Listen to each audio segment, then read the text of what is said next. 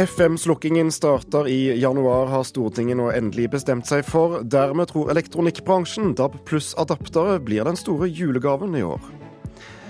Pave Frans kritiserer mediene med drittsnakk. Og kreative tjenester blir lite brukt av næringslivet, viser ny undersøkelse. Overraskende, mener BI-professor. Velkommen til Kulturnytt, i dag med Thomas Alverstein Ove. I går forsikret regjeringen Stortinget om at det er trygt for beredskapen her i landet å starte slukkingen av FM-nettet neste år, som planlagt. Med det er diskusjonen over, og DAB pluss blir den nye måten å høre riksdekkende radio på. Når julen nå nærmer seg, er det godt nytt for elektronikkvarekjedene. Hos Elkjøp steg salget på DAB pluss-adaptere til bil med 130% i november i år, sammenlignet med i fjor. Det er mange som snakker om at uh, DAB pluss-apparat, uh, både når du snakker om uh, de sedvanlige tradisjonelle radioapparater og DAB pluss-utstyr til bil, absolutt kan bli en av de desiderte julevinnerne i 2016, ja. Det sier Øystein Schmidt, kommunikasjonssjef i Lefdal og Elkjøp. For etter en lengre politisk debatt vedtok Stortinget i går å begynne slukkingen av FM-nettet fra og med 11.1 neste år. Og at det snart blir stille på store deler av FM-nettet, merkes også hos elektronikkvarekjedene. Og Det virker som at mange nå eh, etter hvert uh, har begynt å forstå at, uh, at de får ikke høre radio på vei til jobben f.eks. i bilen lenger hvis de ikke har DAB-utstyr. Så det har vi en ganske kraftig oppgang. og Novembersalget der er 130% høyere i, i år enn det det var i fjor. Og elektronikkvarekjedene er ikke de eneste som merker den økte interessen for DAB-radioutstyr nå om dagen. Forespørslene fra kunder har vært forholdsvis lav ganske lenge, men så har det jo, har jo blomstra opp nå i høst siden det er veldig nært forestående og, og slukking av FM-nettet. Det sier Stian Gile, presse- og informasjonssjef i PSA Norge, Peugeot, Citroën og DS. De som har bilene sine på verksted, de blir også informert om at eh, det nærmer seg slukking, og de får tilbud om å oppgradere bilen sin hvis, eh, hvis de ikke har DAB fra før. I høst har det vært mye medieomtaler om DAB og slukking av FM-nettet. Og, og, folk flest er sånn at det det er fokus på i media, det engasjerer dem også og ellers. Og, og nå når de begynner å slukke nå fysisk, så kommer dette her til å eksplodere, det er jeg helt sikker på. Og tilbake hos elektronikkbutikkene er troen stor på at kjøpelystne kunder i førjulstiden vil sørge for at det havner mye DAB-utstyr under juletreet i år. Med overgangen til DAB pluss over nyttår, så tror nok vi at desember kommer til å bli en, en, måned der vi kommer til å ha veldig veldig mange kunder som ser etter DAB. Stor nysgjerrighet rundt produktet, og at også velger hvor mange av kundene våre kommer til å pakke inn DAB-apparatet og legge de under treet. Så Det meste tyder på at desember for oss i Elkjøp kommer til å bli en, en virkelig hektisk DAB-måned. Og reportere her, det var Brage Berglund og Ruth Einarvold Nilsen.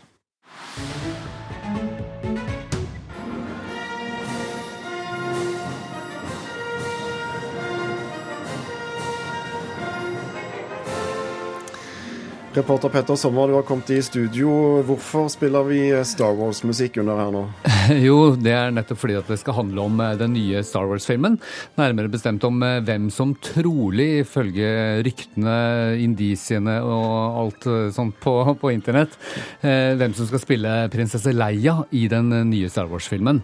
Og, og pilene de peker på en nordmann, faktisk. Kvinne, 29 år gamle Ingvild Deila fra Telemark i Norge. Og det er VG som skriver om dette i dag. De har plukket opp saken i flere internasjonale medier, og bl.a. på Instagram. Og de har forsøkt å ringe til Deilas familie da, i Telemark, som ikke vil snakke med pressen, så dette øker jo bare spekulasjonene. Så, og, og, vi kan jo si det at prinsesse Leia, da, for den som ikke kjenner Star Wars-universet, er jo en av de virkelig store rollene i filmuniverset.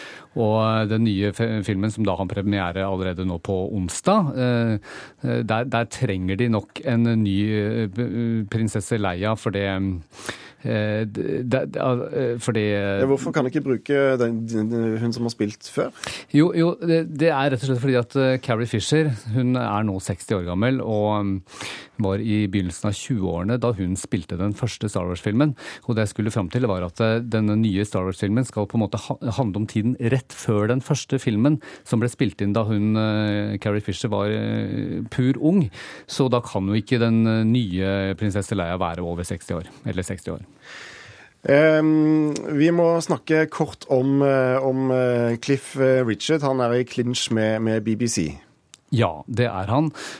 Dersom vi går to år tilbake i tid, så husker vi at Cliff Richard ble anklaget for overgrep mot en mindreårig på 80-tallet, tilbake til 80-tallet. Og dette vakte jo voldsom oppsikt da vi annet så bilder av at britisk politi tok seg inn i huset til denne popstjernen på en ransaking. Og dette er jo tross alt en av britenes virkelig store popstjerner. Cliff Richard har jo eh, på lik linje med størrelser som Paul McCartney og Elton John blitt hedret med tittelen sir av den eh, britiske dronningen. Så, eh, så, så, eh, Men Cliff Richard har jo hele tiden eh, hevdet at han er uskyldig, og kalte da disse anklagene for absurde og usanne. Men eh, du kan jo da tenke deg hvilke anklager, eh, hva slike anklager har å si for populariteten til eh, Cliff Richard. Ikke det at han var så kjempepopulær, kanskje, eller i hvert fall på høyden av karrieren akkurat i 2014. Men han mener altså han er verdt rundt 15 millioner kroner i, i erstatningssum fra BBC? Ja, det gjør han. Han er saksøkt for 1,5 millioner pund, men BBC nekter nå å betale. Takk. I know why I'm here, and I'm glad to be here. I've talked to other guys who came home and they got really amped and they dove into everything and they just Dette er eh, stjerneskuespiller Oscar Isaac, kjent fra storfilmer som Star Wars eh, og X-Men, i rollen som Walter Cruise i podkasten Homecoming. Så langt har eh, humoristiske pratepodkaster og krim fra virkeligheten, som Serial og Uløst her i Norge, tronet øverst på podkasttoppen i, i landet vårt. Men nå kommer den første store dramasatsingen i dette formatet. Unnskyld. Altså Homecoming. Den er en psykolog psykologisk thriller, og som nevnt med, med superstjerner på rollelisten. Torkil Risan, eh, kjent fra TV-seriepodkasten her i NRK. Eh, ser vi nå starten på en ny eh, podkastbølge? Ja, det tror jeg faktisk du har rett i. altså. Det har jo vært satsa på noen, noen små produksjoner før, men Homecoming, som du snakka om her, er definitivt den største og kanskje tydeligste podkasten som signaliserer at nå skal produsentene også lage fiksjonspodkaster for oss.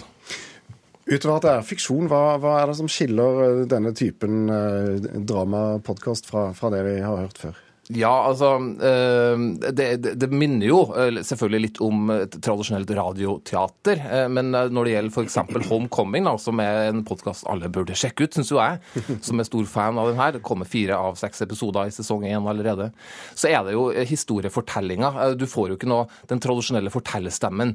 Eh, du, må, du, du, blir presentert eh, for en, eh, for en situasjon, og så må du sakte, men sikkert forstå hva som skjer. Og i tillegg til helt glitrende skuespillerprestasjoner. Du nevnte jo Oscar Isaac, men også da Catherine Keener og David Schwimmer fra Friends. For noen er jo med her, og da, du, kjenner, du merker bare at det finnes kvalitet i hver, hvert et sekund. I hver en liten bolk av denne podkasten. Hvordan har eh, han blitt tatt imot så langt? Veldig, veldig godt. Men den er jo bare en, en av mange som kommer nå eh, av denne type fiksjonspodkaster. Så det, det, det, er helt åpenbart at podkastmarkedet er veldig stort, og da hvorfor ikke for fiksjon også.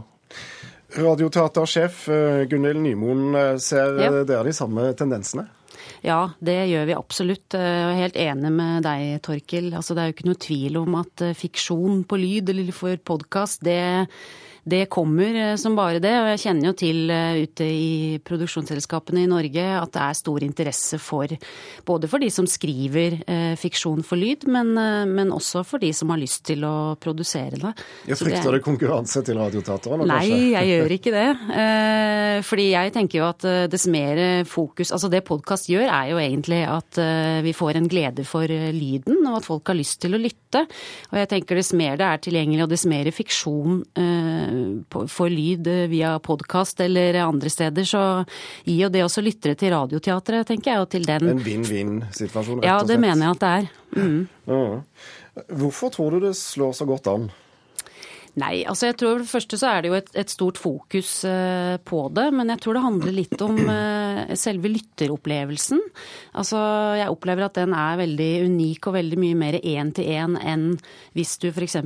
sitter og lytter på en radio og går litt sånn til og fra. Og det er jo det at du kan ta med deg denne historien hvor som helst. Du behøver ikke å gå inn i et teater eller inn i en kinosal, sette deg foran en radio. Uh, du kan liksom gå tur eller være i badekar og Jeg tror det er mye å si for at podkast nettopp har blitt så er i ferd med å bli så populært, da. Her hørte vi det er superstjerner i denne Homecoming som, som kommer nå. Men, men, tror du vi nå kan se en eh, skog utvikle seg av nye talenter som, som kan gripe fatt i formatet? Eh, tenker du på produksjonssida eller på utøversida da? Ja, for så vidt begge deler. Ja, ikke sant. Nei, altså For, for en eh, produksjon så, så, er det jo faktisk ikke så dyrt å få tak i en Oscar-skuespiller. fordi det er jo bare én dag du trenger for å spille inn de replikkene som trengs for en hel sesong. Mm. Så så voldsomt dyrt det trenger det jo ikke å være heller. Så det er veldig mange av de etablerte stjernene som helt sikkert vil være med på å, å lage kvalitetsfiksjonspodkaster. Men det er også kult å håpe at vi får noen nye eh, kjente og etter hvert kjente stemmer. Kommer det podkaster fra Radioteatret? Ja, det gjør det helt klart. Eh, både lange serier og i det hele tatt. Og så er det jo jeg tenker jeg må også nevne det, fordi noe av det vi sliter litt med, det er jo rett og slett eh, rettighetene til å få lagd eh, podkaster. Fordi vi har jo mye av vårt radiodrama. Det ligger jo ute til, til streaming, men ikke podkast. Mm. Så det håper vi at når det kommer på plass, så kommer det jo til å komme. Og vi tenker jo også spesielt på hvordan skal vi lage lyden rent teknisk i forhold til at du får lyd bare gjennom ørepropper. Og det er jo kjempespennende med 3D-lyd og produksjoner som lages i BBC og i Romania for den saks skyld, om, eh, i forhold til det tekniske på lydsiden, da. Det er grunn til å tro at vi har mye spennende i vente. Tusen takk skal dere ha, Gunhild Nymoen og Torkil Risan. Du hører på Kulturnytt i Nyhetsmorgen. Klokken den har blitt eh, kvart over åtte, og dette er nyhetsoverskriftene nå. Politiet i Kristiansand burde ikke ha avhørt den 15 år gamle draps, drapssiktede gutten uten advokat til stede. Det mener flere jurister. 15-åringen avslo tilbudet om forsvarer før han tilsto drapene. Alle husstander får i løpet av neste år ny automatisk strømmåler. Det kan føre til varierende strømpriser, at det blir dyrere strøm når forbruket er høyt på morgenen og rundt middagstid. Og bankrentene er på vei opp, og det kan dempe boligprisene fremover, mener analytikere. Bankenes egne innlån er blitt dyrere, og flere av de største bankene har økt boligrenten til sine kunder.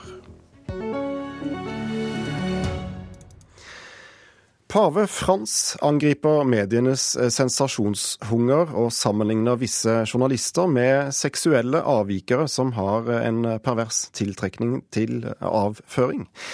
Det er særlig den politiske journalistikken han angriper. Utenriksmedarbeider Tom Christiansen forklarer nærmere hva paven egentlig har sagt. Pave Frans tok ikke ord som drittpakker og skitt i sin munn. Når Vatikanet skal ta i, bruker de latin. Så det paven sa var at mediene må være mer tydelige og innsiktsfulle, og ikke henfalle til, og her kommer det første ordet, koprofili. Det er en medisinsk betegnelse på folk som tenner seksuelt på avføring, og slike finnes blant journalister når de kringkaster skandaler og stygge hendelser, selv om de er sanne. Dette kan være skadelig for dem som lider av, og her kommer det andre uttrykket på latin, koprofagi. Det er mennesker som har en trang til å spise dritt, avføring. Han sikter altså til lesere, lyttere og seere. Folk har en tendens til å gå etter drittpakker, skitpreik og andre former for koprofagi. Sammenhengen drittkommentaren fra paven kom i, var debatten etter brexit og det amerikanske presidentvalget. Kan falske nyheter ha forledet folk til å stemme for brexit og Donald Trump, lurte pave Frans på. Feilinformasjon er den største skade medier kan bedrive. Ved å utelate deler av sannheten kan medier styre opinionen. Det kan fornedre folk, særlig i politikken. Mediene kan brukes til å krenke folk, og det, sa pave Frans, det er synd. Som er hebraisk og betyr å bomme på målet. Sa utenriksmedarbeider Tom Christiansen. Fire av ti bedriftsledere sier de ikke har kjøpt noen tjenester fra kreative bransjer det siste året, som underholdning, design eller markedsføring. Det viser en ny undersøkelse som BI-professor Anne-Britt Gran har gjennomført. Hun er overrasket over funnet, siden behovet for nytenkning og omstilling er større enn på lenge i norsk næringsliv. Hva er taktikken med disse markedsføringsfolka? Eh, de er bare 50 her i dag, så jeg kommer til å gå hardt ut og spørre hvorfor det ikke er mer eh, når de driver med akkurat det. Eh, når dere holder på å markedsføre så lenge, så ble det dere. Komiker Rune Bjerga er på jobb som konferansier og moromann på Markedsføringsforeningens 80-årsjubileum i Stavanger. De kan ikke sitte i fem, seks, syv timer uten at det skjer noe, og da kommer vi inn i bildet. Og nettopp underholdning på julebord og fester er typisk for hvordan norske bedrifter bruker den kreative næringen, viser en ny undersøkelse gjennomført av BI-professor Anne-Britt Gran.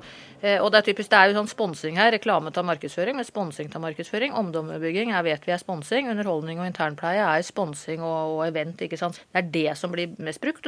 Det er ikke nødvendigvis vrangvilje heller hos disse bedriftslederne. Det kan godt hende at de bare de vet ikke ikke sant? hva slags kompetanse alle disse kreative bransjene har. Og jeg mener at det er et stort potensial her også å bruke kreativitet og, og forskjellstenkning i å utvikle organisasjoner til å bli bedre på omstilling. Kreativ næring er også hovedsatsingen til kulturminister Linda Hofstad Helleland, med en økning på 70 millioner kroner i statsbudsjettet. I undersøkelsen, som ennå ikke er publisert, har Gran spurt 500 bedriftsledere om de har kjøpt tjenester fra kreative næringer det siste året og svaret overrasker henne. Det overrasker meg jo at det er 37% som oppgir her at ikke de har samarbeida med noen kreativ bransje. Og i, i, kreative bransjer her så er det jo mye mer enn kultursektoren. Her har man jo også design og arkitektur og reklame og dataspill og sånn. Hovedsvaret på det er de fleste svarer at det angår ikke vår kjernevirksomhet. Nesten syv av ti mener at det ikke angår kjernevirksomheten deres. F.eks. har bare 12% av de spurte brukt designere, og de færreste bruker tjenester fra kreative bedrifter i omstillingsprosesser, sier Gran. Vi vet at grunnen til at omstilling også stopper opp, er fordi at bedriftene er ikke, er ikke lagt til rette for det, Det er ikke organisasjonskultur for det. Og man holder igjen, det er slitsomt. ikke sant? Og her kan man i mye større grad bruke annerledestenkende til eh, å bidra i de helt konkrete omstillingsprosessene som må foregå i bedriftene. Vi må huske at de næringene som trenger dette mest, de opplever at tak og vegger ramler inn på dem. Det sier Svein Olav Simonsen, som er regiondirektør i NHO i Rogaland. I et oljefylke som nå opplever masseoppsigelser, trenger bedriftene å se den direkte nytten skal de bruke penger på slike kreative tjenester, mener han. Og Da tror jeg jo nok dessverre at mye av det som har vært tilbudt av tjenester altså fra kunstnerne og fra de kreative miljøene, at det gjerne har blitt litt for lite håndfast. At det er litt for for, for fjernt fra den hverdagen som de bedriftene kjenner på. Men jeg er helt sikker på at hvis vi klarer å, å knytte de nærmere sammen, så har vi veldig gode muligheter. Gjerne spesielt innenfor design, på innpakning, på produkter. Dette er jo en vinn-vinn-situasjon. Det kan være med å omstille norsk næringsliv. Og så er det jo da, kan det være ren økning i verdiskaping og sysselsetting for den kreative næringen selv. Nå skal dere få forrett, og så snakkes vi. Også komikerne bidrar med mer enn å fortelle vitser og mange har funnet et marked for å holde foredrag i bedrifter. Det gjelder også Rune Bjerga. Jeg snakker om at vi er for dårlige å ta kritikk, og, og ofte å gi kritikk. Hardbarka, garva næringslivsfolk kommer alltid bort etterpå og sier du, det der det er noe vi aldri tenker på, men som er så logisk. For det, det, det er de enkle tingene som, som, de ofte glemmer. da. Så det treffer nok litt.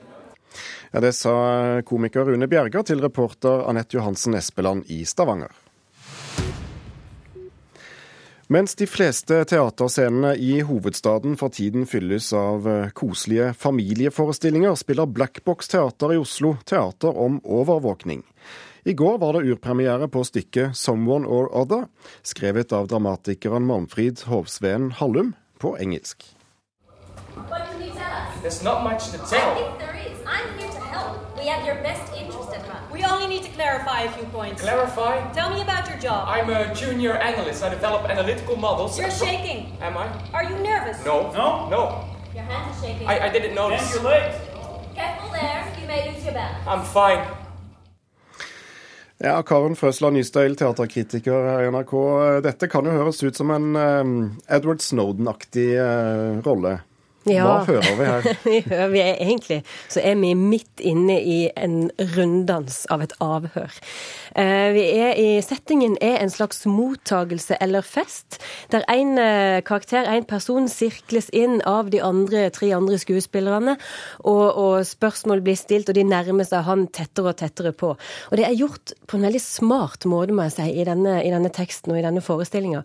For det er den samme mm, scenen, altså samme teksten spilles igjen tre ganger, bare mer truende for hver gang, og replikkene bytter så snedig plass at det blir etter hvert ganske ubehagelig å se på. Så de har brukt noen, eh, noen litt uvanlige triks for å, å fremstille overvåkning på, på scenen? Ja, altså de, Øystein Johansen, som har regien her, han, han, vil gjerne involvere publikum i de stykkene han setter opp. Eh, så det hele starter med at vi blir invitert inn i teatersalen, får et glass med noe rødbrus i. Eh, og så skal vi inne på en veldig liten plass, hvitt gulv og hvit vegg, så skal vi mingle, vi som er der. Eh, bli kjent, hilse, og skuespillerne går rundt i rolle og hilser på. Vi er liksom på denne mottagelsen, da. Og det er klart, å si at du er teaterkritiker kritiker da når en skuespiller kommer og hilser på. Det er jo som å smelle en stein i gulvet. Men det, kan det være litt skummelt for publikum? Um, ikke at det er en teaterkritiker der, tror jeg. Nei, men, men, men, at denne minglingen, at ja, du er i forestillingen? Det er ikke så uvanlig, egentlig. Man, man, står bare der, og så snakker man litt med venner, og så Nei, det er egentlig sånn greit, men man venter jo alltid på at noe skal skje, sant? Og etter hvert så blir vi som er publikummere dag geleida ut i salen. Teppet åpner seg opp, og det er en mye større sal som vi kan sitte i. Og så fortsetter festen framme på gulvet, og da med disse dialogene eller disse scenene som går i runddans, og som bare snirkler og snirkler seg inn. Så det er en, en, en repetisjon og en bruk av språk som får fram et alvor, der en uskyldig karakter bare rotes inn i et eller annet og avkles og stemples til slutt. Hva tror du de vil med dette prosjektet? Regissøren han lager mye teater som handler om isolasjon på ene eller andre måten. Og overvåkning er jo et ganske aktuelt tema i vår tid. Her er det en uskyldig som dras inn i et spill. Um, det er klart han vil tematisere overvåkning og sånn, men det, det, som jeg syns var vanskelig i denne forestillinga her, var at de bygde så godt opp med denne runddansen og denne festen, at det som kom etterpå, det, det bare falt litt sammen for meg når da den ene ble tatt og avkledd, og, og så var det ferdig. Eh, de bygde det så godt opp at jeg venta på at her kommer det en utrolig spennende fortsettelse, som jeg dessverre ikke fikk denne gangen. Men jeg satt likevel og kjente på det ubehaget eh, den type overvåkning kan representere. De har eh, skrevet stykket på engelsk og fremfører det på engelsk. Hvorfor har de valgt det? Det er bl.a. fordi det òg skal spilles i Nederland, og alle skuespillerne kommer fra Nederland. Regissøren er utdanna der og, og, er mye i Nederland, så dette er et stykke som sikkert kan reise langt, og lenger enn langt. Men urpremieren altså på eh, Black Box Teater i Oslo i går. Takk skal du ha, Karen Frøsland Nysteil.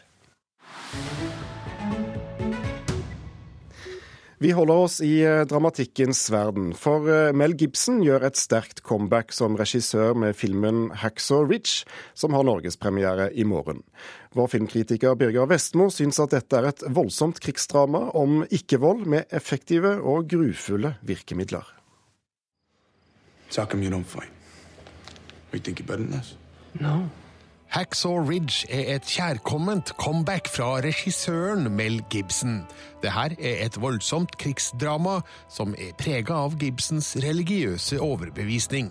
Det blir til tider litt symboltungt, og han maler med en brei pensel i glorifiseringa av filmens hovedperson. Hacksaw Ridge er likevel en solid og gjennomført krigsfilm, med et fortellerteknisk imponerende driv, effektive og grufulle virkemidler, og et budskap som man aner at regissøren føler sterkt for. Are you grinning at me, boy, or is that your natural state? No, Sergeant. Name private. Desmond Doss.